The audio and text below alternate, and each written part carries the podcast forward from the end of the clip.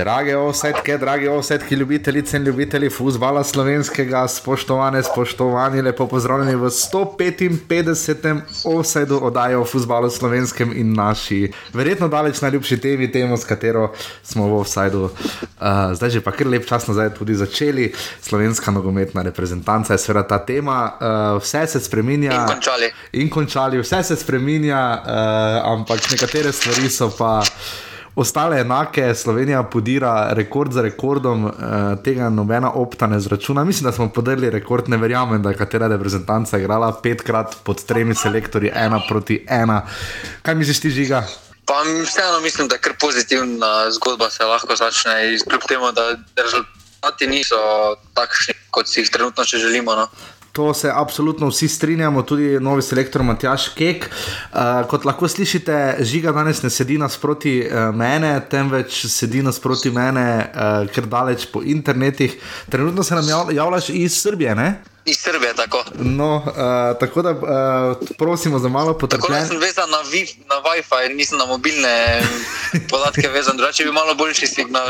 In se za njim tudi, seveda, upravičujemo, prosimo za uh, nekaj več razumevanja. Ampak včeraj sem poslušal res krasen podcast Roka Grilca in Jure Takoširja, uh, ker je tudi bila Viber povezava, pa je, bila, je bilo vredno potrpeti za vsebino, ki ste jo recimo ona dva povedala. In upam, da menite tako tudi vi. Imamo dva prekrasna gosta danes, uh, včeraj uh, res noro, uh, ko vidiš, kako je nekdo pripravljen se pogovarjati. Andrej Milkovič je, bil gost, sva se pogovarjala o stožicah, ko so že kable vlekli in pospravljali vse skupaj. Andrej Milkovič, novinar ekipe, je potem imel že vse v avtu spakirano in se odpeljal proti Dunaju in na, potem nadalje v Miami, tako da vem, da je imel gotovo naporno noč in se mu ob tej priložnosti res zahvaljujem, kot se tudi seveda Željko Latinu in nogometnemu klubu Maribor. Maribor.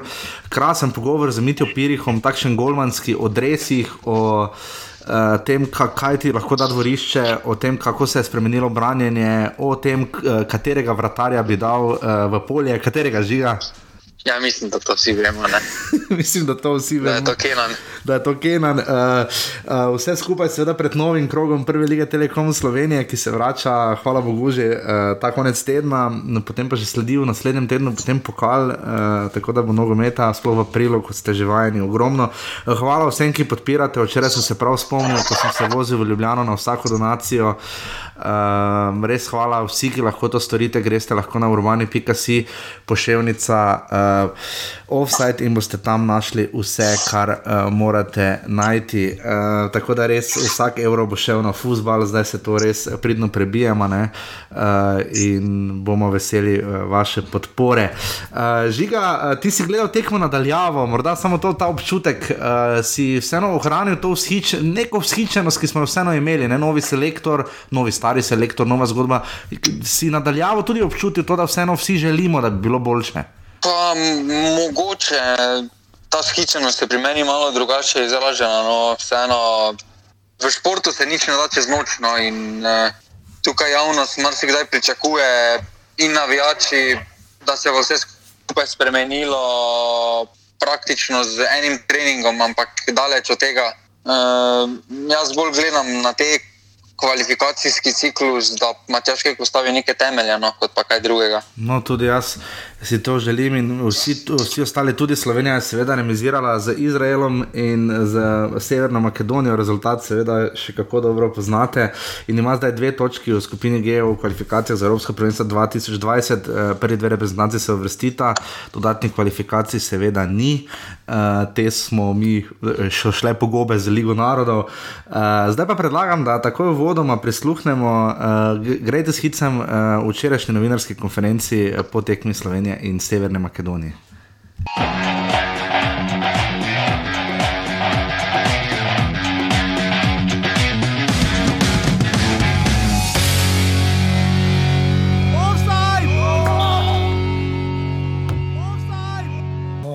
Manj kot smo uh, pričakovali in želeli. Offside! Kar se točk tiče, Offside! Mislim pa, da realen rezultat po tistem, kar se je videlo. Offside! Andrej Milkovič, ekipa, dober večer, selektor. Pet zaporednih tekem po treh, po treh s tremi različnimi selektorji, ena, ena, osem tekem zaporednih brez zmage, še dlje brez zmage na tekmi tekmovalnega značaja. Zanima me, v kolikšni meri, pri čemer je Slovenija nekajkrat vodila na teh tekmah, v kolikšni meri je zadeva psihološke narave, kako to odpraviti, kaj fantom se dogaja v glavah, ko igrajo tekmo, ko vodijo, pa potem nekako ne uspejo te zmage doseči že zelo dolgo časa. No, kar se danes tiče, eh, jaz mislim, da smo dali v pravem momentu dober gol, potem pa imeli srečo v koncu polčasa, ker tiste dve šanse uh, njihove so bile res izigrane, slabo smo ostali, ostali predaleč od igralca. Mogoče igralci še premalo verjamejo v to svojo kvaliteto, v ta svoj potencial, še premalo odločni.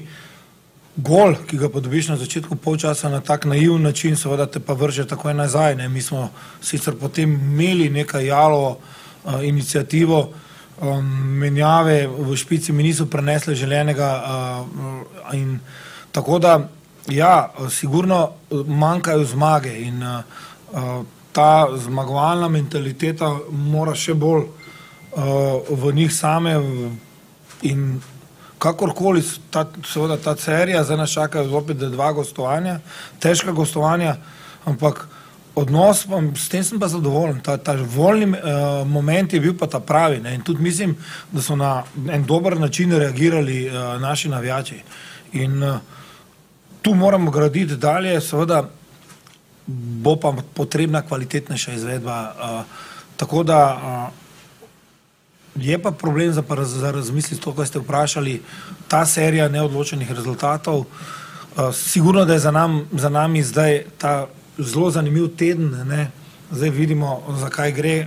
Spoznali smo se na nek način, bilo je izredno sicer naporno, ampak uh, enostavno uh, škoda uh, je pa popolnoma realen rezultat. In, tukaj sigurno nam manjka, manjkajo te točke. Ne, pa še nekaj bi vprašal, sicer, da zdaj uh, ste že omenili, da gostujoči tekmi čakata slovenski, slovensko reprezentanco in obe pri ekipah, ki imata za zdaj ničlo. Torej, zdi se, da bo ta uh, zelo pomemben del kvalifikacij že zdaj tik pred vrati. Mislim, da bo zdaj vsaka pomembna. Ne? Tukaj mogoče, da zdaj za zmago. Uh, Poljske v, v, v Avstriji je nekje narejen en korak naprej. Vidi se zdaj tudi, uh, da tista naša točka v, v Haifi ni bila čisto to brez veze, ne sploh na način, kako smo prišli do nje. Strinjam pa se z Andrejem, da bomo pa mogli zmagati, če bomo hoteli karkoli narediti. Ampak jaz mislim, da je za tem odnosom narejen korak naprej in mene veseli vse pravim reakcija mm, publike. Sem pa žalosten, sem pa razočaran, ker nismo zmagali, tako smo vsi slačilnici. To pa je, to pa je za razumeti. In sigurno nas čaka še ogromno, ogromno dela. Uh, izhajam iz te izredno pozitivne klime, iz tega izrednega volnega elementa, uh, razmišljam pa o kvaliteti igre, kako iti naprej. Pa še eno vprašanje imam. Kar? Verjetno zadnje. Uh, sem to bi vprašal glede uh, klime v ekipi, potekmi z Izraelom, pa potekmi zdaj točka na obeh, Slovenija vodila na obeh, si priigrala nekaj priložnosti, morda ni bila eh, danes morda tako suverena kot v četrtek, kako ste to začutili v garderobi? Mislim, da danes nismo bili tako, tako kvalitetni kot uh, razen tistih deset minut v Haifi. Je pa seveda, fanti so razočarani, tako smo razočarani vsi mi, ker smo pač hoteli zmagati. Ampak se pravi, včasih si vesel zaradi točke, včasih si razočaran, ampak po teh tekmeh je pa danes popolnoma realno. Lahko bi šla zmaga na eno stran, in zmaga na, na drugo stran. Tako da s tem zdaj pač na, na koncu koncev moramo živeti. Um, tam en kurs, ki smo ga zdaj šli, tu moramo zdaj seveda mi um, nadaljevati za neko selekcijo. Kaj dosti časa, da, ne, da se ne ponavljam, kaj dosti časa, pravzaprav časa sploh ni bilo. Zdaj približno vseeno vem, zakaj gre, zdaj za štabom vemo, v katero smer dalje. Uh, Jaz mislim, da na tej osnovi, kot sem že rekel, s tem odnosom, s tem volnim elementom, uh, lahko gradimo dalje. In zdaj to je treba vse skupaj zložiti v en miks. Čeprav se sem rekel, jaz sem že govoril, da tudi uh, že v preteklosti niso bile odigrane slabe tekme. Ta odločnost, ta, ta predrznost, ta, ta, ta reakcija, uh, kakšna briljantna poteza, ki bi vse to skupaj, to strašno voljo, pa vse to skupaj potem uh, realizirala, kar tako daleč pa nismo, da bi nekje v kontinuirano v nekem, v nekem razporedu prihajali do priložnosti. To pa, to pa jaz kot selektor moram sam sebi ne prepoznati. Živo Viškovič, Sivol Spartal, dvakrat ste omenili navijače in odziv njihov. A, verjetno se pa strinjate, da to niso te navijači, organizirani navijači. Že Manjka. pred, pred uh, začetkom kvalifikacij ste omenili, da imate radi, da to malo zaropota, vemo, o čemu je bilo govora, pa me zanima, sicer to ni vaše delo, ampak se boste na nogometni zvezi oziroma boste probali nekako to spremeniti, da se vrnejo ti pravi navijači, ne na zadnje sami veste iz leta 2009, kako je to, če navijajo viole, Dragons in tako naprej. vem, jaz samo 2-9, jaz vem zdaj v zadnjih letih, kako je to izgledalo, ko te publika nosi. Ne. Seveda nam to manjka. Seveda nam to manjka, uh, manjka nam tisto, tisto, tista prava uh, uh, spodbujanje, čeprav se pravi, tudi tisti neki bolj mirnejši del je danes kar skočil na noge in pomagal. Je pa tak, ne. Tudi to si moraš na nek način zaslužiti tudi to moraš na nek način sprovocirati. Uh, kar se nas tiče, slačilnice, mene osebno, jaz sem in bom pripravljen narediti vse, uh, da se uh, naši navijači vrnejo še večjem številu, ampak se pravim, uh, to ti lažje je to za pozitivnimi rezultati. Velika so bila pričakovanja, ampak uh, tu zdaj je mogoče stvar dejansko tudi za koga uh, drugega, ampak kar se tiče pa uh, našega razmišljanja, razmišljanja slačilnice, to pa seveda bi mi radi, da se zakadika pa da kaj zropotane, ampak ok, jaz vseeno mislim, da je bila eno kvalitetno vzdušje tudi z njihovimi navijači in vse sem rekel, ta tekma, ki to je šlo gor dol in to je bila odprta tekma z ene in druge strani in zaradi tega tudi mislim, da je bil zelo gledljiv nogomet. Hvala. Da kar zaderi, se te slišim. Gospod selektor, eh, kdo bo kapetan na naslednji tekmi, oziroma kdo je podkapetan in kako boste rešili uh, težavo na levem boku? Bomo jo rešili, seveda bomo rešili. En bo sigurno kapetan, ker bo moral biti, ker to je že zaradi zapisnika. Ampak zdaj si, me, zdaj si me dobro stresel s tem vprašanjem. Ne. To mi je zdaj presekalo vse, kar v enem razmišljanju, ene tekme, tako daleč nisem. Ampak imamo, imamo v dogovoru to že urejeno, v razgovoru z igralcem, z igralci smo to že rešili, tako da bo zopet boste pravočasno o tem obveščeni. Mm, Mislim pa, da seveda vidite, kako hitro se to, kako hitro gre to vse skupaj. Ne? Jaz upam, da bodo samo vsi zdravi. Uh, morda samo dodam, uh, za poziranje igralca so tri rumeni kartoni v kvalifikacijah. Jaz nisem hotel to reči, da ne bi zopet jaz se delal pametnega, ampak ok, tako da. Mogoče, si, mi- mo, mogoče ste mislili že kar drugo tekmo. V v Latviji, ne. To ste že naprej gledate. Tako, to je bila a, seveda uh, kar lušna novinarska konferenca včeraj uh, v Stožicah. 9872 gledalcev, 372 zgolj več kot na derbiju. Zdaj, ne samo Tu na se samo malo ustavimo, lepo prosim. E, na derbiju se meni, ta tekma, pa, pa ta tekma po televiziji, res da sem na derbiju bil živo, ampak ta tekma po televiziji se je zdela enako obiskana kot derbi, meni osebno. Res, samo živo, pa ne, žiga, veš kaj za golom, severnim je bilo precej več ljudi, tampon cona je bila nekoliko manjša, pa tukaj, veš, uh, to je bila glavna razlika. Uh, na zahodni tribuni, levo in desno od novinarske tribune, so bili sedeži dejansko kar polni. Ne? Ja, ti, no, videlo se samo tisto nasproti novinarske. Ja, tisto je izgledalo bolj ali manj, verjamem, da je enako kot eh, na derbiju, ampak jaz mislim, da na oko je izgledalo precej več. No, zdaj je bilo na derbiju manj ljudi, če, kar bi jaz rekel. Ampak se na koncu ni treba pomembno, čeprav mislim, da petmestna številka bi se kar spodobila. Ampak uh, nekaj je naredila planica, nekaj je naredila nedelja, nekaj pa tudi rezultat, ne ena proti ena v Izraelu, se zdi vseeno, ne vsak ena, ena je žiga drugačen. Dajmo najprej primerjati ta rezultat. Ne? Tisti v Izraelu se zdaj, sploh ko so Izraelci razmontirali uh, Avstrijo za 4 proti 2, uh, zdi velik uspeh v primerjavi za to, to, za to tekmo z, Mak z Makedonci. Ne? Pa nasploh se mi zdi, da v Izraelu vsaka točka uspeh, spomnimo se malo rezultatov klubov naših v Izraelu, posebej Maribor. Maribor ima dosti zgodovine z Izraelci. Uh -huh. Vemo, da tista gostovanja so vedno specifična, eh, od eh, vlage, od eh, ure in tako podobno. No.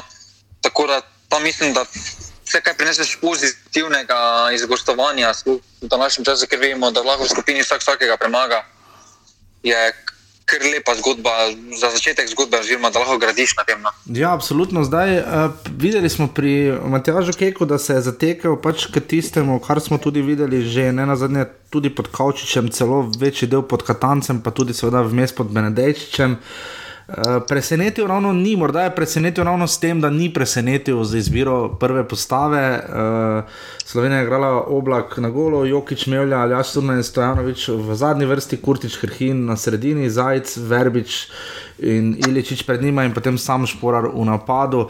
Žiga, tebe je kaj presenetilo, mene je seveda pač za Petra Stojanoviča to, kar bi bil posledica kot vzrok, ne, ne, skupici ima privatne težave, Martin Milec še ni na voljo.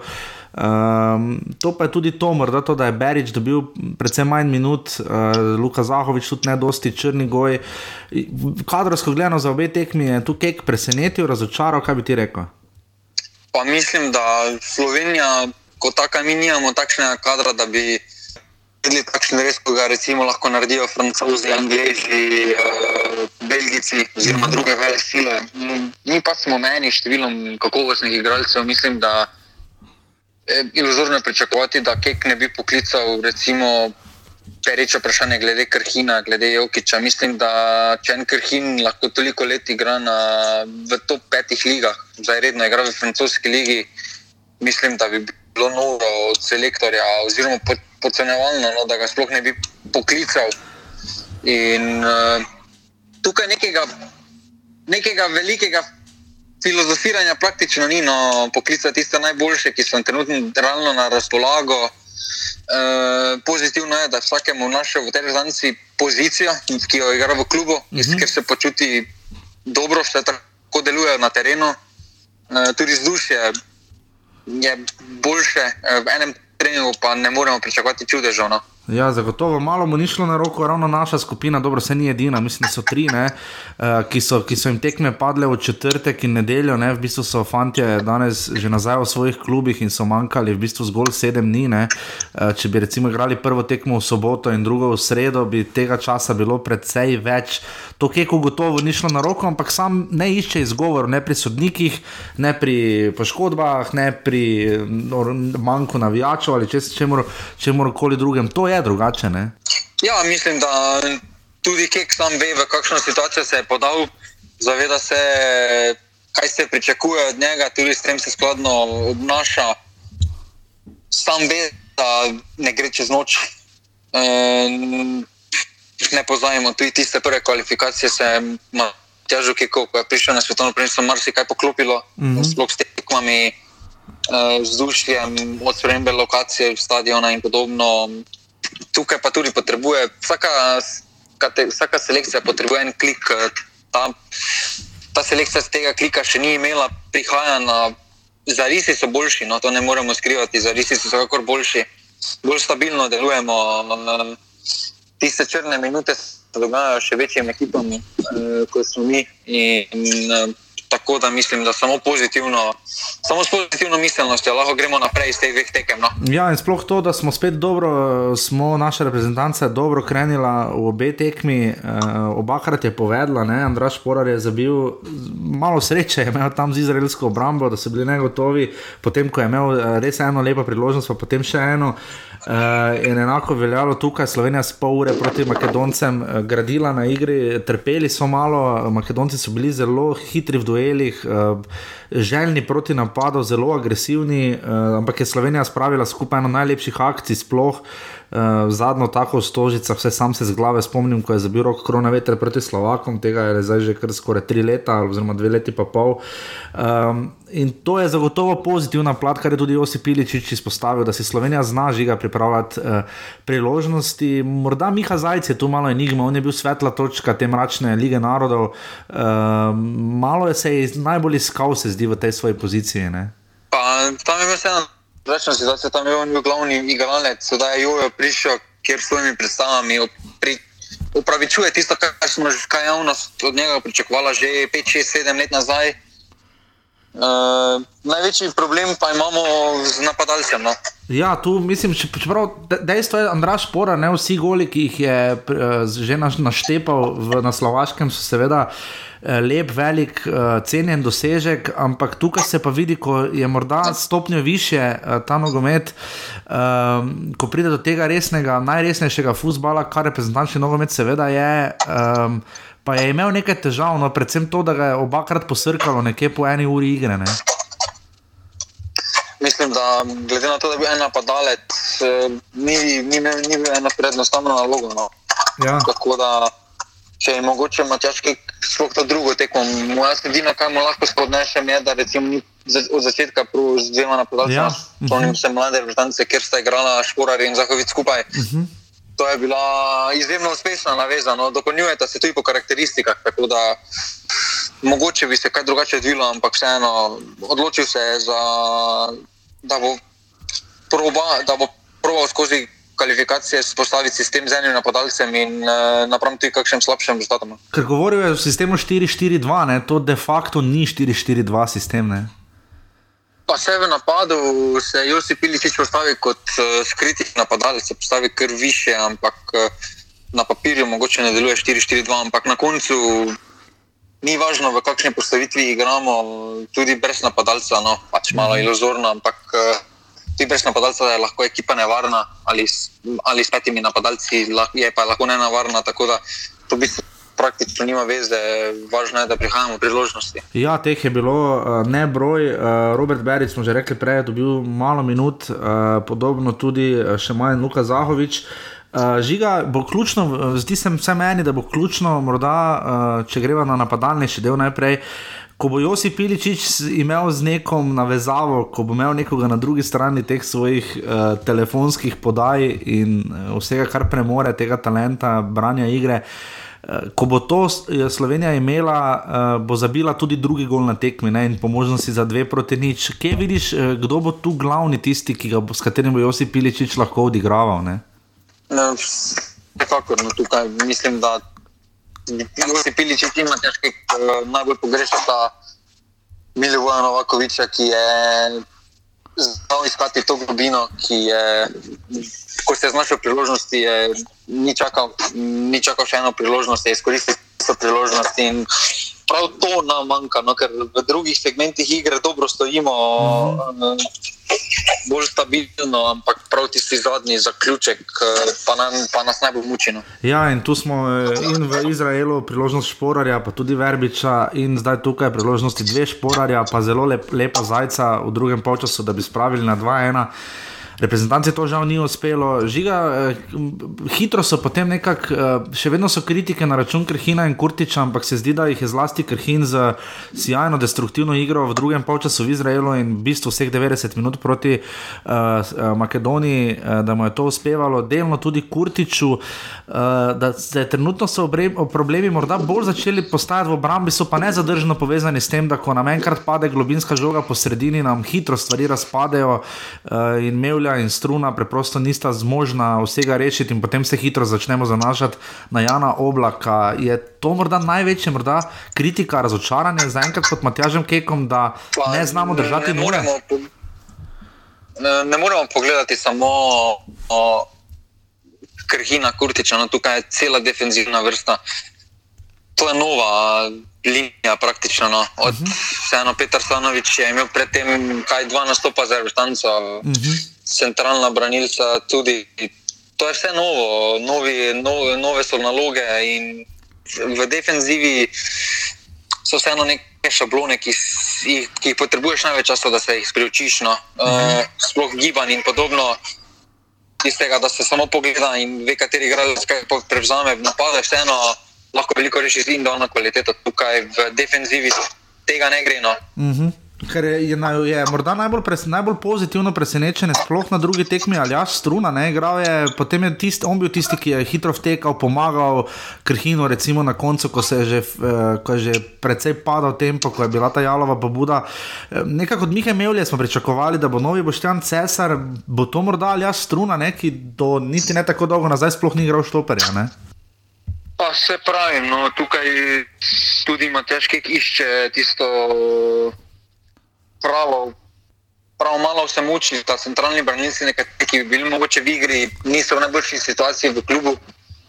Uh, mogoče bi potrebovali kakšnega izkušenega igralca, tipa Cesar, no, ki je znal poveljevati obrambe. Štano se mi zdi, da največji problem je, da v obrambi ni tistega jasnega lidera. No. Uh -huh. Tekom generacij, če se spomnimo malo Matjaža, od tiste prve Matjaževe generacije, Cesar, Šuler, vemo, da sta oba zelo glasna na igrišču. Uh, potem uh, tudi Cesar je držal tisto pri Katancu. Uh -huh. uh, praktično Cesar, je, če pogledamo, je bil tisti temelj obrambe, okoli njega se je vse gradilo in potem je vsekakor lažje tudi za druge, ko pogledajo. Ko ima enega tako izkušenega, tako glasnega na igrišču, ki malo več pove, tukaj pa se mi zdi, da se eno. Trenutno že ta ruštanca nima lidera od zadaj in nas to tepe za tiste črne minute, ko praktično panično samo izbijamo žogo, ne da bi jo umirili. Zdaj, če, če lahko damo kaj srečo Katancu, priznamo, je, da je vse na začetku, kot smo že večkrat povedali, zelo ti žiga, da smo zadaj znali držati nulo. Bo Kekova taktika očitno prisiljena, da bomo igrali na kdo da več? Ne, mislim, da vseeno, ko bomo težko postavili stvari na svoje noge, da, da bomo zabili tudi drugi, tretji zadetek in bo takrat steklo, če se spomnimo zdaj malo dosti primerjam, ampak uh, tista prva kikova generacija toliko individualne kvalitete roko na sebe ni imela, ja, kot imamo sedaj. No. Uh -huh. uh, mislim, da tukaj ima težke. Uh, Jaz sem eno sodobni trener, ki se razvija, videli smo ga v reki, da je sledil trendom. Uh, in tudi njegove ekipe so ena proti nič zmeraj iskale drugi zadetek, mm če ne iz konter. Uh, mislim, da nas za napad se pravi, ne sme skrbeti, no, ker eh, najprej treba od zadaj porihtati napad.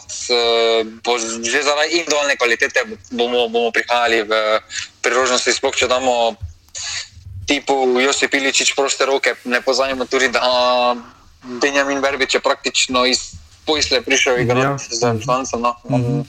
Tako da tukaj še vsekakor v napadalnem delu imamo veliko rezerv. Ampak bolj ali manj pa smo lahko videli 90% tistega, kar je pač 90-95% tistega, kar je verjetno najboljše, kar vsaj v tem trenutku premoremo. Ne? Ja, definitivno tudi spisek.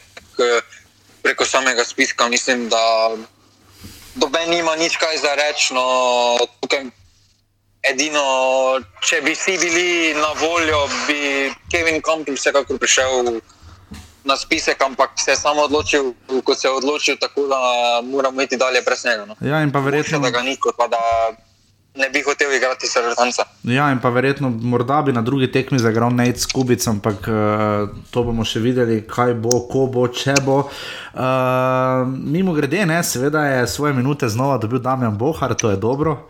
Uh, pa, to je samo pozitivno, je z tega vidika, da ima težkih. Uh, nagraduje ja. nagranje, uh mhm. -huh. formo. Ja. Uh, tega v zadnjih letih nismo bili navajeni. Ja, enako je veljalo za šporanje. Če se bo to držalo, bo mhm. se krok potencialnih kandidatov razširil. Ker bodo tudi drugi igralci v tujini videli, da v primeru dobrega dela, dobre forme, dobrih nastopov, bodo prišli, bo, bo prišel poklic. Eh, tako da, s tem, da je s tem je poslal jasen znak drugim levinarom, ki jih trenutno mogoče ni, ampak imajo kvaliteto da bi lahko bili. No. Super opažanje. Uh, tako, zdaj pa bomo dali besedo eh, našemu včerajšnjemu gostu, novinarju časnika ekipe, Andreju Milkoviču. Ja, znam, ja, znam. I u nedelju ćeš ostaviti me sam, i ja ću izgubljena lutati. Tako, čas veselje in ponosno je, da znova gostimo Andreja Milkoviča. Lepo biti nazaj z veseljem, pozdravljeni. Uh, Andrej, uh, bil si v Izraelu. Ja. Uh, kar nekaj časa si že v tem uh, fohu, več teh potovanj si dal skozi. Kako je zdaj to, ko se je Matjaš kaj vrnil? Samo vzdušje, ko si vidiš reprezentanta, vse vem, da so hoteli ločeni, pa zavesa na letalu. Mm, ja, ampak vseeno dobiš pa nekaj občutek. Absolutno, ni, ni lahko vprašanje iz tega vidika, ker. Uh, velikokrat razmišljam, kam so šli, torej, kam so padli naši standardi v vseh teh zadnjih letih. Torej, odkud začnemo razmišljati? Zdaj, ja, lahko je reči, uh, super napredek, ampak potem se vprašam, napredek glede na kaj, pa kolikšen napredek. Ampak ja, uh, če odmisliva to dejstvo, če odmisliva, da smo dejansko spustili standarde zelo nizko z vsemi temi neuspehi, ki so nas zaznavali v zadnjih dveh letih, bi rekel, da Izrael nedvomno ni bil samo nek minimalen napredek na igrišču, ampak je bil napredek na celi črti. Matjaš Kek je dober strokovnjak, Matjaš Kek je prinesel ogromno izkušenj, prinesel je karizmo, prinesel je dejstvo, da gre za zdaj resnično uveljavljenega uh, trenerja. Tak človek še ni sedel na slovenski klopi, kajti mm. Matjaš Kek v prvem mandatu je bil nekaj čisto drugega, srečo Katanec v prvem mandatu je bil popolni začetnik, v drugem je bil nekdo, ki 15 let ni ničesar naredil. Uh, to je največji, najbolj uveljavljen strokovnjak, ki je kadarkoli vodil Slovenijo in to se pozna. To se pozna pri načinu, mislim, to je bil čist drug svet, kar zadeva potovanje, kar zadeva uh, tamkajšnje mehanizme obnašanja in tako naprej. Tudi fantje uh, na eni strani dostopni, na drugi strani skrajno resni, osredotočeni. In potem mislim, da tudi na igrišču, da to ni bilo samo nekaj, kar bi si jaz želel videti, ampak da se je dejansko videlo, sploh v Izraelu, nekoliko manj uh, to, kar ljubljani. Ga gledajo ti mlajši fanti, ki so svetovno prvenstvo v Južni Afriki gledali še kot mulci po televiziji, gledajo kako drugače, imaš morda ta občutek? Gledajo ga tako, kot je treba. Ne? Mislim, spremenila se je ta zadeva, prišli smo od Kesi Kauka, kaj bo zdaj stari, ne? do tega, gospod selektora, smem pogledati v levo, ne? mislim, to je to. Ne? Jaz ne pravim, da se je treba bati šefa oziroma da se je treba bati uh, trenera selektora, ampak zagotovo pa je to tisti pravi odnos, da je to tisto pravo in da nam je to manjkalo. Zdaj bodo pa morali najde tudi sami sebe znotraj tega novega režima, novega sistema, novega načina dojemanja. A poskusili so že bolj ali manj vse, poskusili so srečati katance, s katerega so se bolj ali manj norčevali, pa če so si to pripravljeni priznati ali ne. Poskusili so svojega najboljšega prijatelja oziroma detka, očeta, karkoli je pač bil, karkoli ja, karkoli je pač bil. In zdaj bodo pač poskusili eh, človeka, ki bo vzpostavil uh, tako avtoriteto in hierarhijo, kot je treba. Zdaj počasi bo pa zmanjkalo, kaj vse še ti fanti lahko poskusijo. Predvsem bodo morali sami pri sebi si zamisliti, da bo, smo zdaj že relativno blizu trenutka, ko bo treba reči, ali ste ali pa niste. Večno ne bomo menjali selektorje in jim iskali ne vem kaj. Eh, lahko bi zdaj že gre počasi vprašanje, ne? ko se je odločil za Krhina in Kurtiča, ne? malo že izziva, če ješ, mogoče bi prišel zidan, pa ne bi bilo razlike. Ne? Ja, na tak način. Mislim, je to komunikacija ene, ene s Katancem? Ene, ne vem, ene zadeve so meni vedno bile fascinantne. Mislim, tudi, tudi Andraš Kirm je bil v, ja. vem, pri petih selektorjih, prvih, prvih enajst, pa mi to nikoli ni bilo jasno, ampak nikoli nisem trdil, da vem več od uh, ljudi, ki so uh -huh. uh, nekako cvet slovenske stroke. Tako da morda so to tiste anomalije, ki jih ne razumem. Tudi tu ne razumem, da se ne poskusi nekaj drugega, ampak mogoče, da spet v odsotnosti Kevina Kampla ni tega nečesa drugega. Slovenski bazen je mehan, to je, to je dejstvo. Bazen naših igralcev je, to je, to je zelo, zelo bogo. To tebe ni presenetila, prva postava. Ne, ne pa se me ne more, težko, me, težko, težko te preseneti. Mislim, pri Sloveniji je tako, da v bistvu seznam 23 igralcev te mogoče lahko preseneti. Pri enem igralcu to je tisti, ki zagotovo ne bo videl niti ogrevanja, kaj še le igrišča. Uh mhm. -huh. Se pravi, seznam znamo našteti vsi bolj ali manj, zdaj plus minus ena. Uh, Kar zadeva prvih 11, pa spet se pogovarjamo mogoče o enih, dveh malenkostih. Težko je v Sloveniji si spomniti kaj novega na tem področju. V Sloveniji si je treba spomniti kaj novega tam, kjer smo mi že imeli uspehe. To je herc, kot bi rekli vi. ja, ja, to, je, to, to, to, je pač nekaj, to je pač nekaj, ena kombinacija uh, kemije, ljubezni, uh, tudi atmosfere atmosfera v Ljubljani je slaba. Dajmo si to priznati. Danes je bilo dobro vprašanje postavljeno um, Matjažu Keku na tiskovni konferenci in neposredno je povedal, lahko bi še bolj neposredno. Atmosfera v Ljubljani je slaba. Mislim, to so ljudje, ki radi pridejo na tekmo, ki radi gledajo, ampak ki ne morejo pomagati reprezentanci. Kiskem je daleč od pokanja. Mislim, jaz imam rad, jaz imam, jaz imam rad Kiskem, jaz imam rad uh, ameriški način dojemanja športa, ampak tam so tudi rezultati precej manj pomembni. Uh, in, ja. e, ja, eno, eno z drugim pa zdaj gre zelo težko. Ne. Se pravi, zahtevati pa rezultate, pa se iti kiskem, ne vem, če je to kompatibilno. Pa še enkrat, rad imam uh, kiskem, rad imam ta način, da, da šport ni nevaren, absolutno vedno rečem, yeah. Ja. da, da, da je za me. Recimo, se pa imamo vem, ameriške dvorane ali pa stadione, kjer je fantastično vzdušje, pa se ti ne more zgoditi nič, tudi če sediš uh, v zelenem drevesu sredi vijoličastega morja, kar je meni blizu, to je meni res blizu.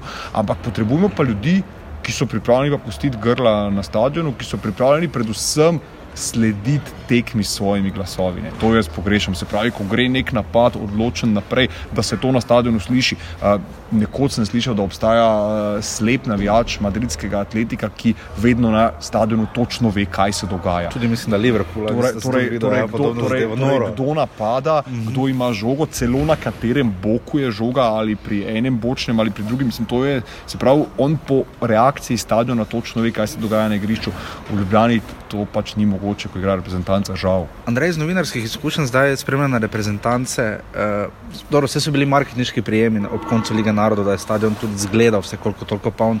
Ampak da bi ljudje čisto obrnili hrbet reprezentanci, ga niso. Neki fetiš na reprezentanco bo ostal, tudi če se skalibriramo na ena ena ali pa na, na, od poraza do poraza in do dna, v katerega je reprezentanca padla. Kako kak to vidiš?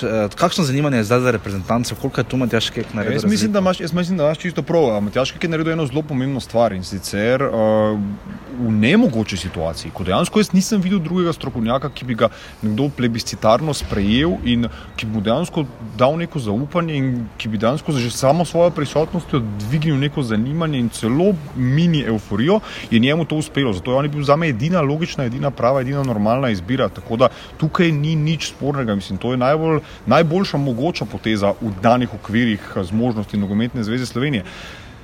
Zdaj, uh, ja, zanimanje za reprezentanco bo vedno obstajalo, imaš prav. Mislim pa, da je ta reprezentanca predaleč od ljudi in mislim, da je to zato tudi kriva sama na ravni čisto, pa ne bom rekel marketinga. Jaz mislim, da se marketing trudi, jaz mislim, da PR dela uh -huh. toliko, kolikor to omogočajo fanti, mislim pa, da fanti so pa zelo daleč od domače javnosti, od slovenskih ljubiteljev nogometa. Zadnjič sem napisal, da je za povprečnega slovenskega športnega navdušenca uh, Dalas precej bliže kot Brdo. Ja, trenutno zelo. In, ja. in to je dejstvo, ker, ker dala, dal, iz Dalasa poznajo vse. Poznajo mamo, poznajo dekle, poznajo ja. babico, poznajo, kaj, kaj je včeraj jedel za kosilo, katero glasbo danes posluša v avtu. Pri Robertu Krancu smo to videli, recimo družina. Fantastično. Vsi, Mislim, poteze, ki so bile okrog Roberta, to, sem, mm -hmm. to je naslednja stvar, ki sem hotel povedati. Ja. Planica je pokazala, kaj se danes bere, kaj se danes klika, kaj danes odmeva. Zdaj na srečo ali žal je to dejstvo. O Janu Oblaku, o Janu Oblaku mi ne vemo ničesar, pa bi človek, moral, pa bi človek, pa bi človek moral biti prva športna zvezda Slovenije. Naj se razumemo, Jan Oblak na globalni ravni je več kot Luka Dončić ja, in to občutno več. Ja, ja. Ampak za slovenskega športnega navdušenca pa človek ne obstaja. Če nimamo sreče, da dobimo uh, na pol ukraden video iz španske lige, kjer je pač on branil tisti edini strelj, ki je šel na gol atletika, ja. uh, je to približno vse še dobro, da je enkrat uh, Luka Rupnik posnel uh, igranje košarke doma pri Antoinu Grizmanu, pa je zelo, zelo hitro umaknil, ker so nazjali verjetno vogega ja. Lukata. Ampak to je. To. Ampak to je to. ja. To rabimo, res to rabimo. To so stvari, potrebujemo. Uh, pred desetimi minutami mi je makedonski kolega pokazal video iz makedonske stočilnice. Mi, ja, smo, mi, mi smo svetlobna leta od tega oddaljeni. Nihče ne bo tega dovolil, nihče ne bo tega naredil, nihče ne bo sam. Mislim, danes največji svetovni klubi se grejo sistem, a v javnost je ušel ali pricurljal posnetek. Ja, Mislim, lepo vas prosim, nič ne pricurlja, vse je to zelo načrtno in dobro plasirano. A strani samih nogometašev, njihovih zastopnikov, kakorkoli. In mislim, če, če ni Lionelu Mesiju težko pokazati otroku pod novoletno jelko, mislim, ne vem, zakaj bi jih komorkoli drugemu. On pa res ne rabi jih. Ne, ne, ne rabi. Andrej, uh, greš kar dosti krat tudi k našim nogometašem v tujino. Uh, kakšen vtis dajo takrat? Pogrešajo domovino, jih zanima, kakšen je vtis o njih tu.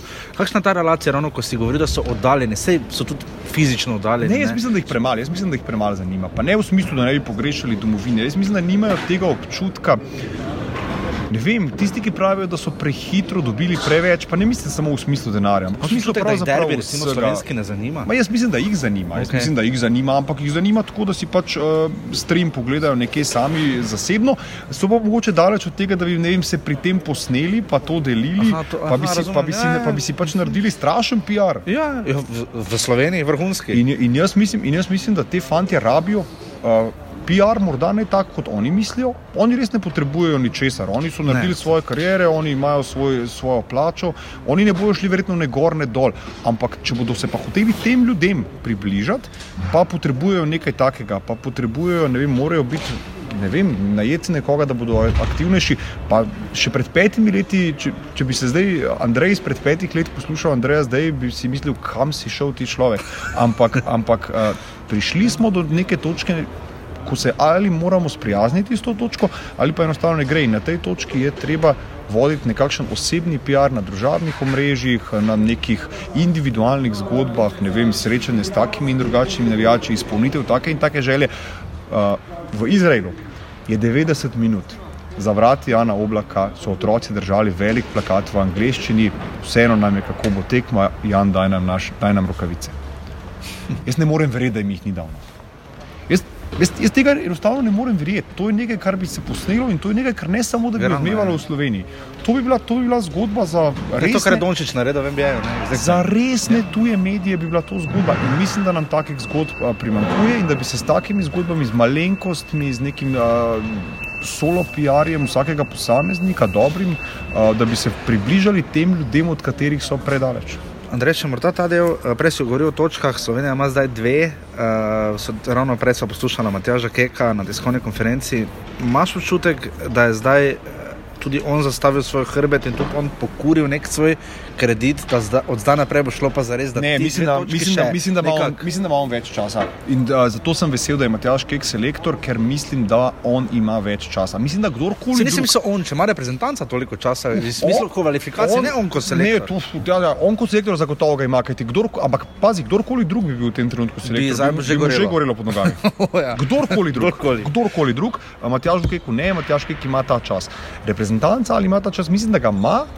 Ampak mislim, da bom, ne vem, nekaj bom morala narediti. No. Mislim, morda sem zadnjič pretirano v nekem pogovoru rekel, da, uh, da je Pop TV najprej naredil iz košarkarske reprezentance resničnostni šov, šele potem je postala evropski prvak. Uh, morda je ta ocena pretirana, morda je šlo tudi za popolno naključje.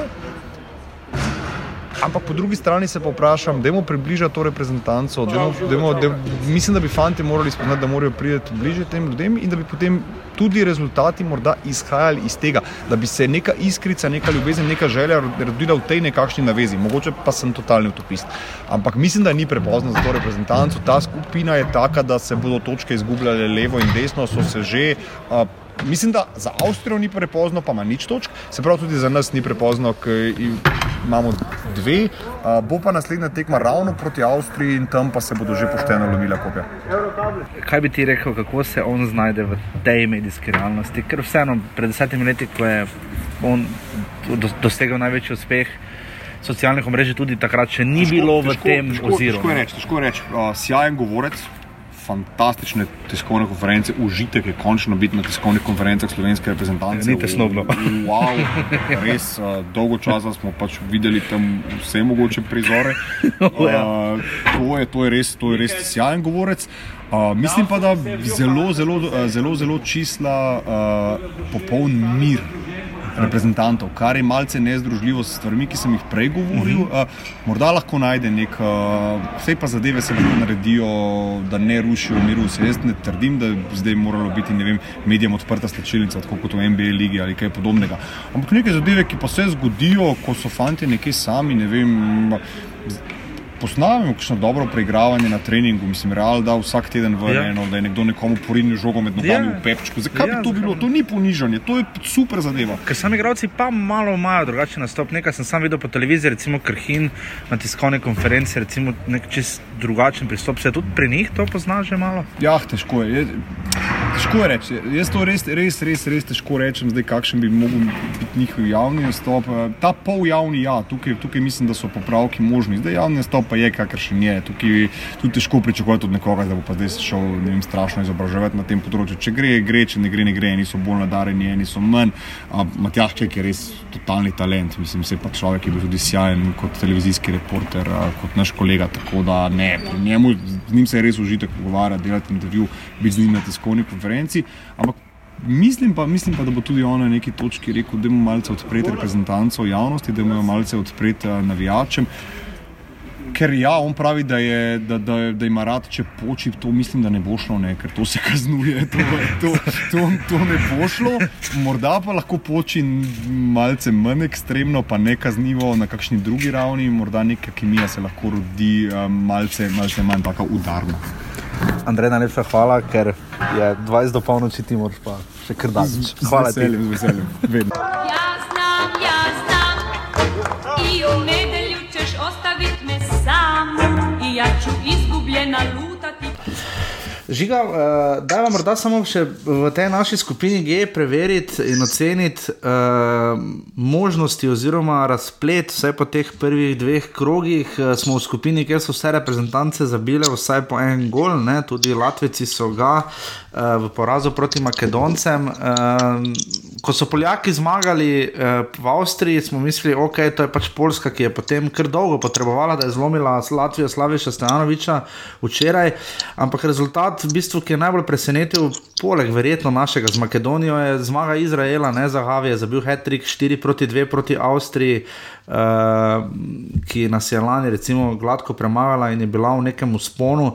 Uh, ne bo lahka skupina, ne? zdaj imamo dve točki uh, in imamo spet dve gostovanji. Slovenija na resnih gostovanjih ni zmagala že ohoho dolgo časa. Uh, tekmo v celovcu, Avstrici nujno rabijo točke, potem pa še Riga, kjer Slaviša Stanovič čaka na tekmo, ki jo čaka verjetno že kar lep čas. Žiga, uh, tu verjetno remi ne bojo več dovolj. Ne? Predvsem uh, točke, ki bomo izpustili, da bodo bolele. No. V gostih uh, je zmeraj težko videti, naprimer Avstrija, kot smo že povedali, uh, v gostih je boljše v določenih situacijah ne s nulo, kot pa iti po vse tri točke. Pustimo Latvijo, pa tudi delno Izrael, no, čeprav smo naprimer Avstrijo se pravi videli. Ampak predvsem te dve točke, ki smo jih sedaj pustili doma, lahko bude ta večina. Ja, ker tudi verjetno, če bomo odnesli tri skopje, vprašanje, če bo to dovolj, ampak eh, do takrat je še daleč. Slovenijo zdaj čakata dve gostovanji, 7. junija v celovcu in pa 10. junija v Rigi. Eh, potem pa se uh, vse skupaj nadaljuje septembra, prijateljskih tekem, seveda, več ni, ker bi si vse malo psihološko uh, nabil, ampak mislim, da naši reprezentanci trenutno niti to ne bi koristilo, saj so ne na zadnje premagali lani Črnogoro, pa to nikaj prida koristilo. Pa ne se pravim, da, da upam, da tudi na nogometni zvezdi gledajo, da je ta ciklus bolj prehodni ciklus. Da ima težje, kaj dodamo časno, ker vidi vse, da hoče delati, da imamo potencial.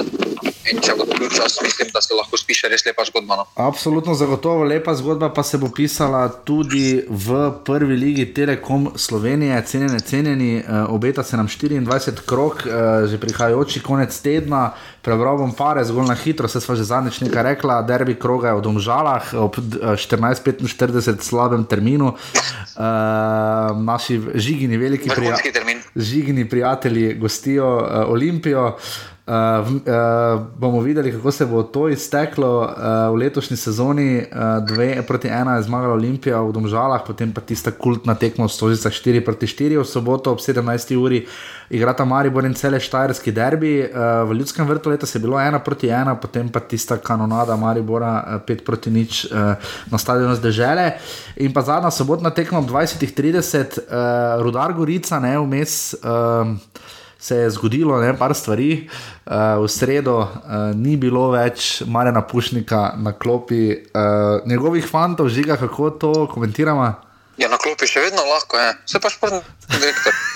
to je res, pri, primer Maribora in uh, uh, recimo Olimpije, pa tudi Domžal, ne, ne na zadnje, uh, kažejo, da še vedno lahko gre na klop, ampak. Pa Gorice. Uh, Ja, tudi Gorice, uh, zanimivo žiga, ne? Uh, zdaj v Rudarju letos ne gre. Uh, bomo videli, kaj bo prineslo. Almir Sulejmanovič bo zaenkrat vodil moštvo, dosedani pomočnik. K temu se klubi radi zatečajo, ampak z izjemo Safeta se to ponavadi ne izkaže za dobro varianto. Ne? Uh, tekom sezone je zelo neugodno.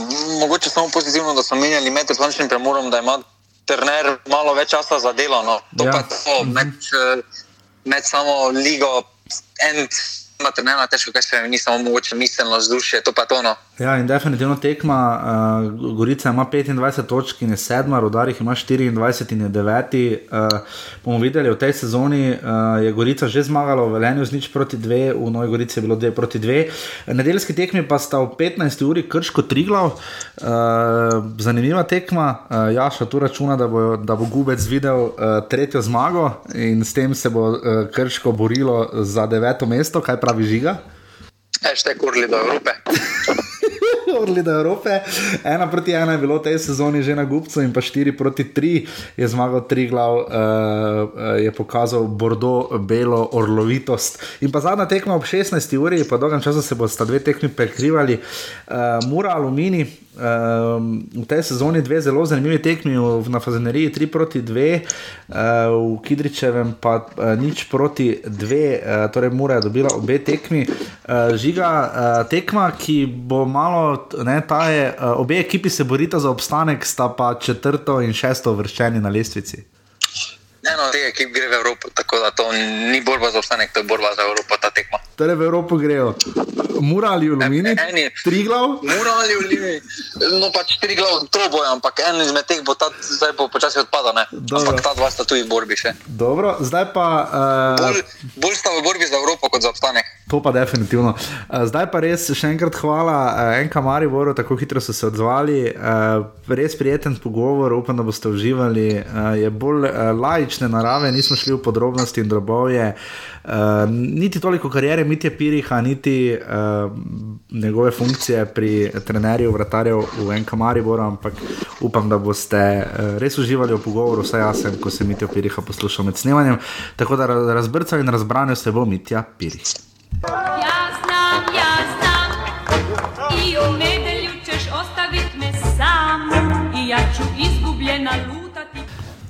Tako čas veselje in ponos nam je, uh, da gostimo vratarja, ki je pustil uh, v slovenskem nogometu velik pečat in ga še vedno pušča. Uh, Kaj nekaj naslovov, ne, z Gorico? Ja, nekaj je bilo. nekaj je bilo. Uh, mislim, da 171 nastopov v slovenskem državnem prvenstvu in pa zdaj že kar lep čas tudi v Mariboru, trener vratarjev. Z nami je Mitja Pirih, zdravo. Pozdravljen.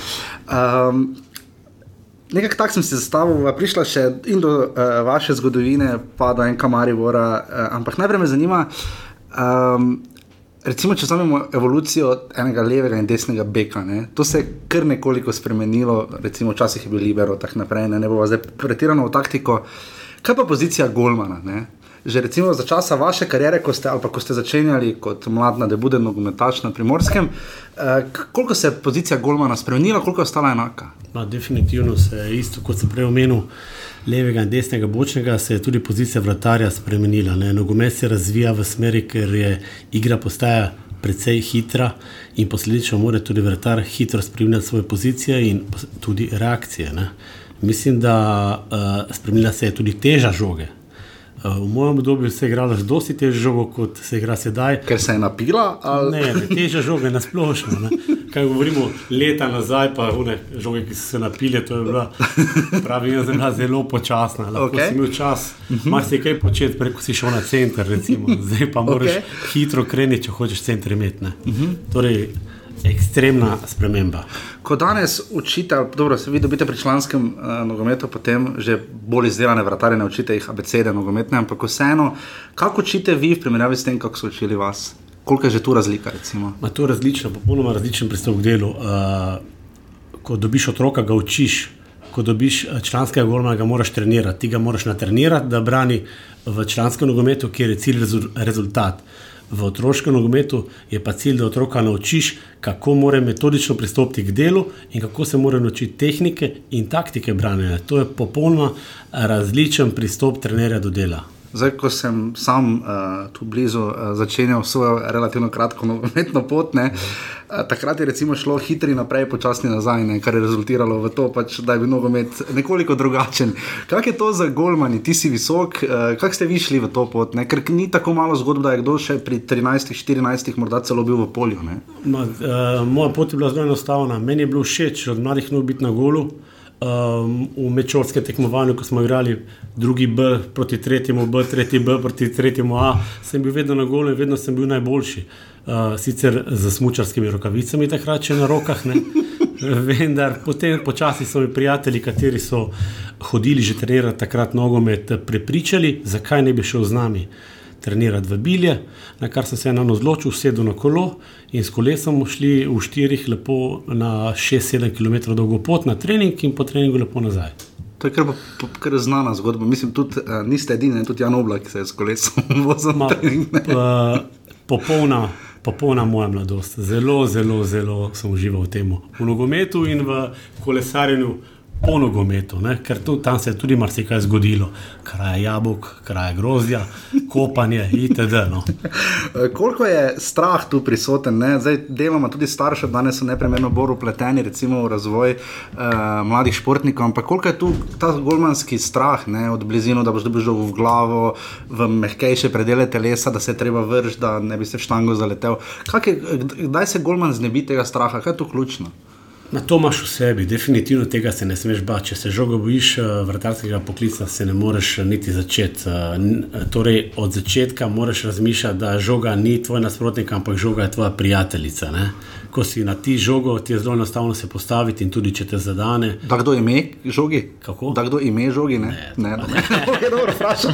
Mislim, da imajo ta sponzorska imena, ampak eh, to ne. To ne. Taka prijateljica Torej, ste žogo moraš biti na ti. No.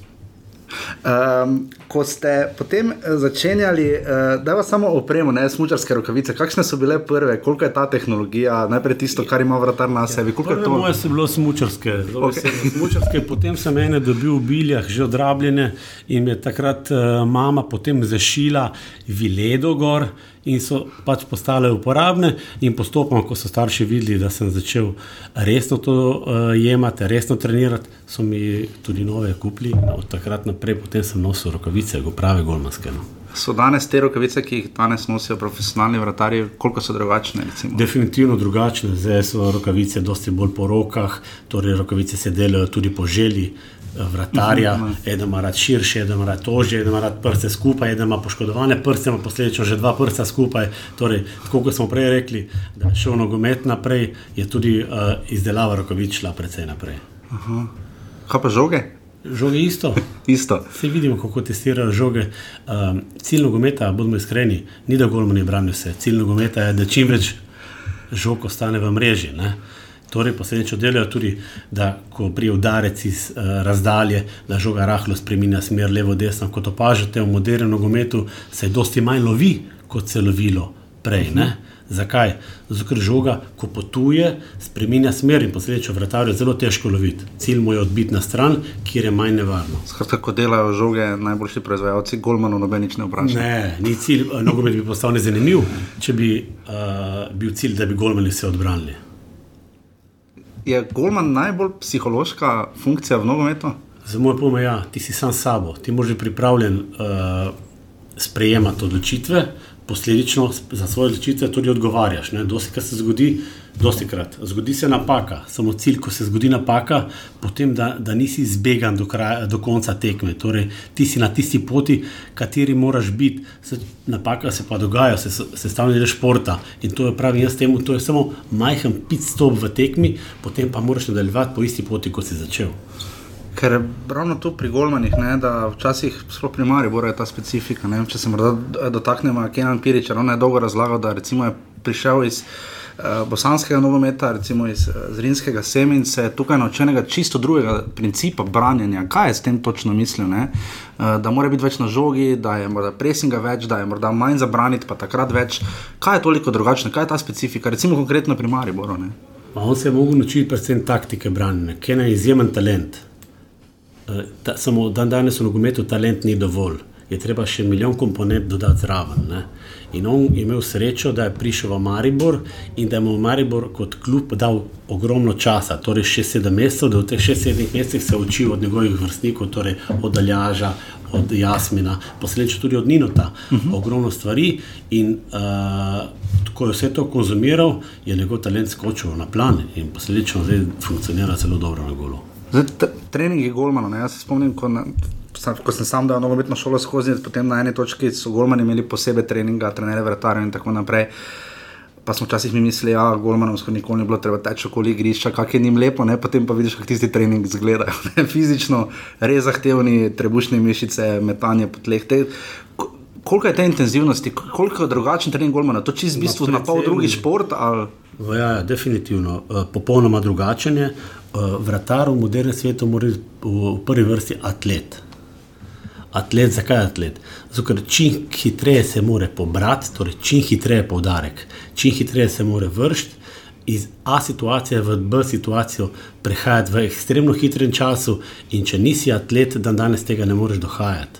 Zato uh, je trening posvečen temu, uh, zgodbi, tako kot se uh, dogaja na igrišču, moraš to prezrcaliti na trening in potem ti to uspeva. Koliko, je, koliko so fizične karakteristike vsakega posameznega vratarja odločilne, recimo višina, ne, ena izmed teh, uh, tudi, verjetno tudi sama atletičnost, o kateri govorite. Koliko je višina, recimo, pomembna? Uh, višina je definitivno pomembna. Samo smatram, da trenutno, ko gre nogomet naprej, je uh, pomembnejša hitrost. Uh -huh. Torej, zdaj govorimo o normalni višini, Golman 185, 100, 187, 183, govorimo, to je višina za vratarja, uh -huh. minimalna, zdaj niže je težko. Uh, zakaj hitrost? Ker uh, hitrejši kot si, si sposoben z dobro taktiko dohajati vse zahteve modernega nogometa. Medtem ko če si višji in da si malo trom, je teže se premikati iz situacije A v situacijo B. Torej, si vedno nekje v v razpotju, nekje na pol poti, in potem napadalci znajo to zelo dobro izkoristiti. Koliko se uh, posvetuje, recimo, članski trener, v tem primeru, recimo Darko Milanič, pa vi on vedno reče, da bo trener, bo, bo Mitja povedal. Kako je, kako je ta del, koliko se recimo taktika preostalega dela moštva, zlasti seveda ožje obrambe, ne, prilagaja, glede na to, kateri golman bo in obratno, če se sploh. Ne, ne, to je, uh, jaz se moram plegajati, uh, Darko, to note, definitivno. Uh -huh. On mi pove zahteve, katere ima uh, v igri in posledično mi naštivamo uh, sistem treniranja, katere, da bomo dosegli zahteve glavnega trenerja. Uh -huh koliko je pomembno, kako je to, ko trenirate skupaj uh, z Jasminom Handanovičem. To je en unikum, ne, da sta v bistvu generacijska vrstnika. Pravzaprav, uh, je, kako je njemu uspelo iz vašega vidika si podaljš, podaljšati no, v bistvu kariero, se ni edini, ki pri teh letih še branja, ampak kako je njemu to uspelo? Uh, on je lahko predvsem vzor vsem ostalim. Uh, vzor zakaj? Zato, ker lahko uh, dokaže, da nikdar ni prepozno. On je s svojimi 35 leti obrnil komplet strategijo branjenja na glavo. On je vse opustil in začel uh, z začetkom. Je pa toliko uporen, da mu potem to uspelo. In uh, rečem lahko, da sem samo ponosen na njega, kako je to uh, speljal in kako še zmeraj to fura. Zdaj mi vedno vidimo, ne, pri njemu je že znamenito to, da ima mislim, da štiri številke v registracijski številki, ne, tisti, ki zdaj prihajajo, jih imamo šest. Ne, tako da je okrog, eh, koliko, kaj, kaj konkretno recimo on mora spremeniti. Ne. Danes se več se igra z novo, kot se je igralo včasih, uh, hitrejše žoge so, hitrejši nogomet. Kaj je recimo pri njemu bila ta ključna tranzicija? Ne? Vse je spremenil, zdaj mi dva bi lahko pogovarjali se dolgo časa, kaj je vse spremenil. Spremenil je način branjenja, spremenil je taktiko, spremenil je razmišljanje, kaj more braniti. On je branil prej gol, zdaj brani prostor. Eh, spremenil je uh, način življenja, kar je zelo pomembno. Um, Mar si kaj še zraven, no, temu zdaj ne bo uh, razglabljala. Uh, še enkrat rečem uh, čestitke in upam, da bo še dolgo trajal. Koliko, kako izgledajo priprave recimo, za vratarje? Zdaj vemo primere za 11 metrov, ko se celo da listke nosi ne, pred izvajanjem strelov. Ampak recimo tudi strele posamezne nogometaše, napadalce, na katere treba posebej opozoriti. Uh, kako, kako izgledajo ti treningi, ne? video priprava, analize, kako izgledajo? Tako, uh, pripraviš se na nasprotnika ki ti prihaja. Torej, mi imamo eh, večinoma opravka z napadalci ali pa z veznimi igralci, kateri imajo strele iz razdalje. Mhm. Pripravimo se potem na standard, standardne situacije, torej kote, skrajšane kote, prekinitve iz strani. Vemo, kako naj bi to izgledalo. Samo eh, potem eh, nasprotnik se pripravlja isto na te, torej lahko te preseneti, moraš biti pripravljen na kakšno drugo varianto. Ne? Ker veliko pa eh, pomagate, pa verjetno tudi pri uh, sami postavitvi, pri branjenju prekinitev, recimo, ko ima nasprotnik kot ali prosti strelj. Ja, seveda, to se reče taktična postavitev in golno mora biti del te taktične postavitve. Torej, levičar izvaja drugače kot desničar, kratki pasi so drugačni kot dolgi pasi. To vse je skupaj povezano, definitivno. Koliko se je živi zid spremenil, postavljanje živega zidu je enako kot takrat, ko ste vi začenjali se to kaj spremenjali, to je enako od kar so ga naredili. Spremenilo se je v tem, da uh, Danes so igravci v določenih elementih sposobnejši žogo dati okoli zidu. Mene so učili, da je enega in pol čez prečko, ne, tako so meni učili. Danes ena in pol čez prečko bo premalo. Je treba dati še enega zraven, torej Aha. vsaj dva in pol, če je desničar pri žogi z tvoje leve strani. No. Aha, to je, to je Ja. glavno. Takrat ni šla še žoga okoli, dan danes pa gre že žoga okoli. No. Če smo že za nazaj, uh, dresi v 90-ih, njihova barva, dre, uh, dresi vratarjev so kar specifični. Kakšni privrženi česa ste vi? ne? Zdaj, najbolj kultna so 90-ta, ne, ko so bila vsa tako uh, zelo Maurična. popisana in maurična. Ja. Obdobje, eh, obdobje kampusa, misliš? Ja, recimo, ja. ne, nisem lih pristaš te mauričnih zresov, eno barvo mi je super. Ne. Uh, se vam zdi, da uh, igra vratarja znova? Uh, ja. Zdaj, včeraj, ne, Kortuva, recimo, lep primer, ne, uh, se zakomplicira. Zdaj, če vra- vratar preigra napadalca, ki je dosegel vem, 150 golov in mu da po možnosti žogo med noge, ne, je ultimativni kralj. Ne. Če pa spodleti, pa ni najboljše. ne. Kak, kak je s tem, kakšna navodila Golmanom so tu? Ne? To je kralj za medije. Ne, Ja, seveda, ja. Spektakel. Ja, Ja, valjda. za mene kot trener ni, ni kralj preigravanja, ni Golman, Golmanovo delo ni cilj preigravanja. Ne. Včasih pa si primoran na to. Ne. Zdaj, ko ste jih omenili napako, Kurtoja včeraj, to se zgodi. Ne. Ja, seveda, ja. Zdaj, igra, nogo, igra z nogo vratarja, pa ni odvisna samo od vratarja, je odvisna tudi razporeditve igralcev. Torej, on, ko spreme žogo, on mora imeti rešitve že vnaprej. Ne. Včeraj je imel rešitev, vendar je okleval, ni dovolj hitro žogo in posledično ga je ekipa Rusija zaprla in ga spravila v težave. Vi veste, da bo Handanovič ali pa tudi Pirič, neki nima kaj dosti slabšega odstotka v, iz, vsaj iz časov v Bosni in Hercegovini. Vi veste, da bo Golman branil penal. Če vemo naprej, Ja, mislim, ko se, ko se ko je zadeva že postavljena, tik pred igralec udari. Ne? strategijo imamo. Analiziramo nasprotnika, kam naj bi udaril. Ma določeni igralci, ko analiziraš nasprotnika, udariš štirikrat levo, štirikrat desno, dvakrat po sredini. Takrat jaz ne morem vedeti, kaj se bo Golman odločil. Ne. Takrat do, eh, dopuščam njegovi intuiciji. Ne. Definitivno odločitve mora on sprejemati. On je na golu in se on odloči v zadnjem trenutku, kam bo šel. Mislim, da statistika govori v to smer eh, in v to prid. Uh, streljajo res bolj po sredini, uh, izvajalci 11 metrov, ali je to samo občutek? Statistika je taka, da samo 6% strelov gre po sredini. Res? Ja. Pa to eh, Handanovič ali Pirič eh, veste, kako branita. ja, definitivno, da veste. so morda ta del še počasi proti koncu, eh, so vratarji morda psihološko ta del bolj samokritični do sebe, bolj to analizirajo, imajo več časa za premljevati, tudi ne, ker na zadnje žogo so predvsem malo v stiku. Ne. Na golu mislite, Ja. ja. v, v teku tekme? Ja. V teku tekme ne verjamem, da ima čas za analizirati. Teku tekme mora biti skoncentriran na pozicijo v tistem trenutku, kjer je žoga. Po tekmi pa, uh, saj moji vrtari točno vejo, kje bi lahko bilo kaj narobe, zato me že opomnijo, da je pogledati situacijo. Misliš, da bi lahko tako naredil, misliš, da bi tako naredil. Zato, ker vejo točno principe branjenja, katere imajo na golu. Strategijo branjenja imajo točno jasno, zato vejo točno dan trenutek, kje bi lahko bila kakšna napaka. Smo narod Golmanov? Definitivno. Kako si vi to razlagate? Ja, Ne pa levih bekov, recimo. ne bi, ne bi vedel, ne bi imel razlage na to. Samo definitivno vidi se, da smo uspešni v svetu. Imamo top vratarja, ne? imamo, Ja- imamo eh, Jana, imamo Samirja, ki sta spisala uh, hude zgodbe, Mhm. ampak ne uh, hude, top zgodbe v tujini in prihajajo še mladi. Tako da ne vem, zakaj smo Slovenci narod. Ker tudi v prvi ligi, ne v 90-ih, eh, ne, od ne vem, že z vašega konca, ne, Mauric, Strajnar in tako naprej. Ne, in smo imeli Golmana tudi trenutno v prvi ligi, recimo, branijo v glavnem domači fanti. Ma top, smo imeli top vratarje, samo takrat nisi imel pogleda, kako, kako bi ti izgledal v tujini. Ne? Takrat smo bili limitirani, smo bili dobri samo v Sloveniji. Ne? In potem, ko si gledal to po televiziji, si mislil, oni so drugačni, oni so Batmani, ne pravim nam. V resnici pa vidiš zdaj, ko grejo naši vratarji v tujino, vidiš, da oni tam delajo razliko. Torej, to je to. Ne? Kak je biti Golman? Top, najboljši občutek. Kaj pa, ko, ko, koliko je razlika vseeno, ko nehate s profesionalno kariero, ne, da vi ste še zelo v formi vsak dan v pogonu, ampak verjetno z leti, s časoma, ne, rekreativno, da bi se človek vrgel pri, ne vem, ko je malo starejši, kot takrat, ko je bil malo mlajši.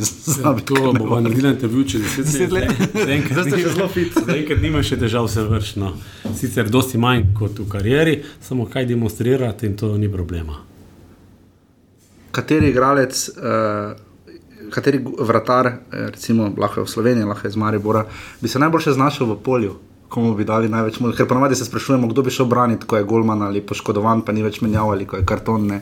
Kateri od vratarjev bi pa rekli, da bi bil dober v polju? V polju definitivno Pirič. Pirič. Kam bi ga dali? Definitivno. Ma, ali vezno ali ravno napad. Uh, uh, res, pa ne zato, zdaj, da ga hvalim. Ne, ne razumem. Uh, Nenormalen občutek za žogo, vidi se, da je v Bosni še zmeraj prisotna ulica in to se dan danes ne da ne trenirati. Ja, ne, to ne gre. Dvorišče. Dvorišče je ulica. zakon, to smo Ne. probali mi in žal moji otroci tega ne delajo. Pač življenje gre naprej. Točno tako. Ja. Mitja, najlepša hvala, da ste bili naš prekrasen Hvala gost. za povabilo. In uh, čim več uspešnih treningov. Ne? Hvala, lep dan. Ja znam, ja znam I u nedjelju ćeš ostavit me sam I ja ću izgubljena lutati Samo Kenan Pirič ni branil, ne? Šehič je, mislim, da branil za Bosno, ne? Ja, to je pač napaka Roberta Prosenečka, tu nimamo nič. eh, Če pač trener selektor noče videti, eh, noče videti. No. Tudi možno. Uh, poglejmo še enkrat, hvala novinarjem klubu Maribor, še enkrat poglejmo uh, lestvico uh, druge lige, v kateri uh, so bili kar zanimivi dvoboji. Uh, Čeri Bog Stavr Sežana je zdaj na prvem mestu uh, po zmagi. Ne najdem, a tu so ena proti nič, koliko je teh tekem. Brežice so premagali z ena proti nič, radomne so pa remizirale pri Adrian Dekanih z dve proti dve, naš prijatelj Anel Hajrič je spet zabil. Um, zanimivi rezultati, no, Bravo ima 39 točk, za tekmo manj se je igral za Rogaško v prihodnjo sredo, uh, tako da bo zelo zanimivo videti, kdo bo šel eh, prihodnjo sezono v prvo ligo. Uh, Zaenkrat je dv- dvoboj, dvoboj, troboj, ampak zadaj ste, Drava je po dolgem času zmagala, mislim, da in pa tudi dob se, tudi če nikoli, ni, nikoli ne odpišete doba. Ne. In uh, to je to, veste, zdaj bolj ali manj vse. Hvala obema gostoma, uh, hvala vam predvsem za razumevanje uh, zaradi eh, kvalitete zvoka uh, v današnji oddaji. Uh, pa hvala tebi, žiga. Ne, Hvala. ne boš nič več rekel. Ne bom čakal na. A čakaš na svoj. Uh, to, no, bom tokrat razkril, če smo že nadaljavo. Uh, meni žiga nikoli ne pove, kaj bo povedal v tej kultni odjavni špici, uh, tako da sem vedno poln pričakovanj. Hvala vsem, ki nas podpirate na urbani.si pošiljnica offside. Um, hvala, da imate radi futbal. Upajmo, da bo um, na prihodnih tekmah petmestna številka, na tekmah reprezentance. A ja, pa žiga, ne vem, če si videl na Twitterju, ne, enega modela so zbrali za doživljenjski sedež. Ne?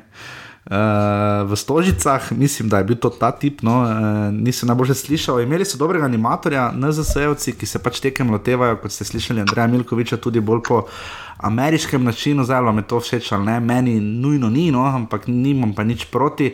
Um, in je ti pa vprašal, kateri mu je najljubši igralec, in je ti rekel, a to mislite iz Slovenije. Ne? To, to, to, to ni vredno. to ni vredno. Prej bi mogli napisati vprašanje odgovor. Ja, pa poslati ja, naprej. Uh, tako da, ampak, glej, uh, verjamem, da je tudi on navijal, kot je Matjaš Kek rekel, tudi navadni podnarekovaji navijači so dali svoj prispevek. Je pa res, da smo slišali tudi Makedonce znova, ampak ni se pa nujno ponovila zgodba z Albanijo in pa Bosno. Ampak vem, kaj vsi najbolj čakate, tudi jaz čakam. Uh, če se znajdete v offsajdu. Tista razlaga roke v stožica.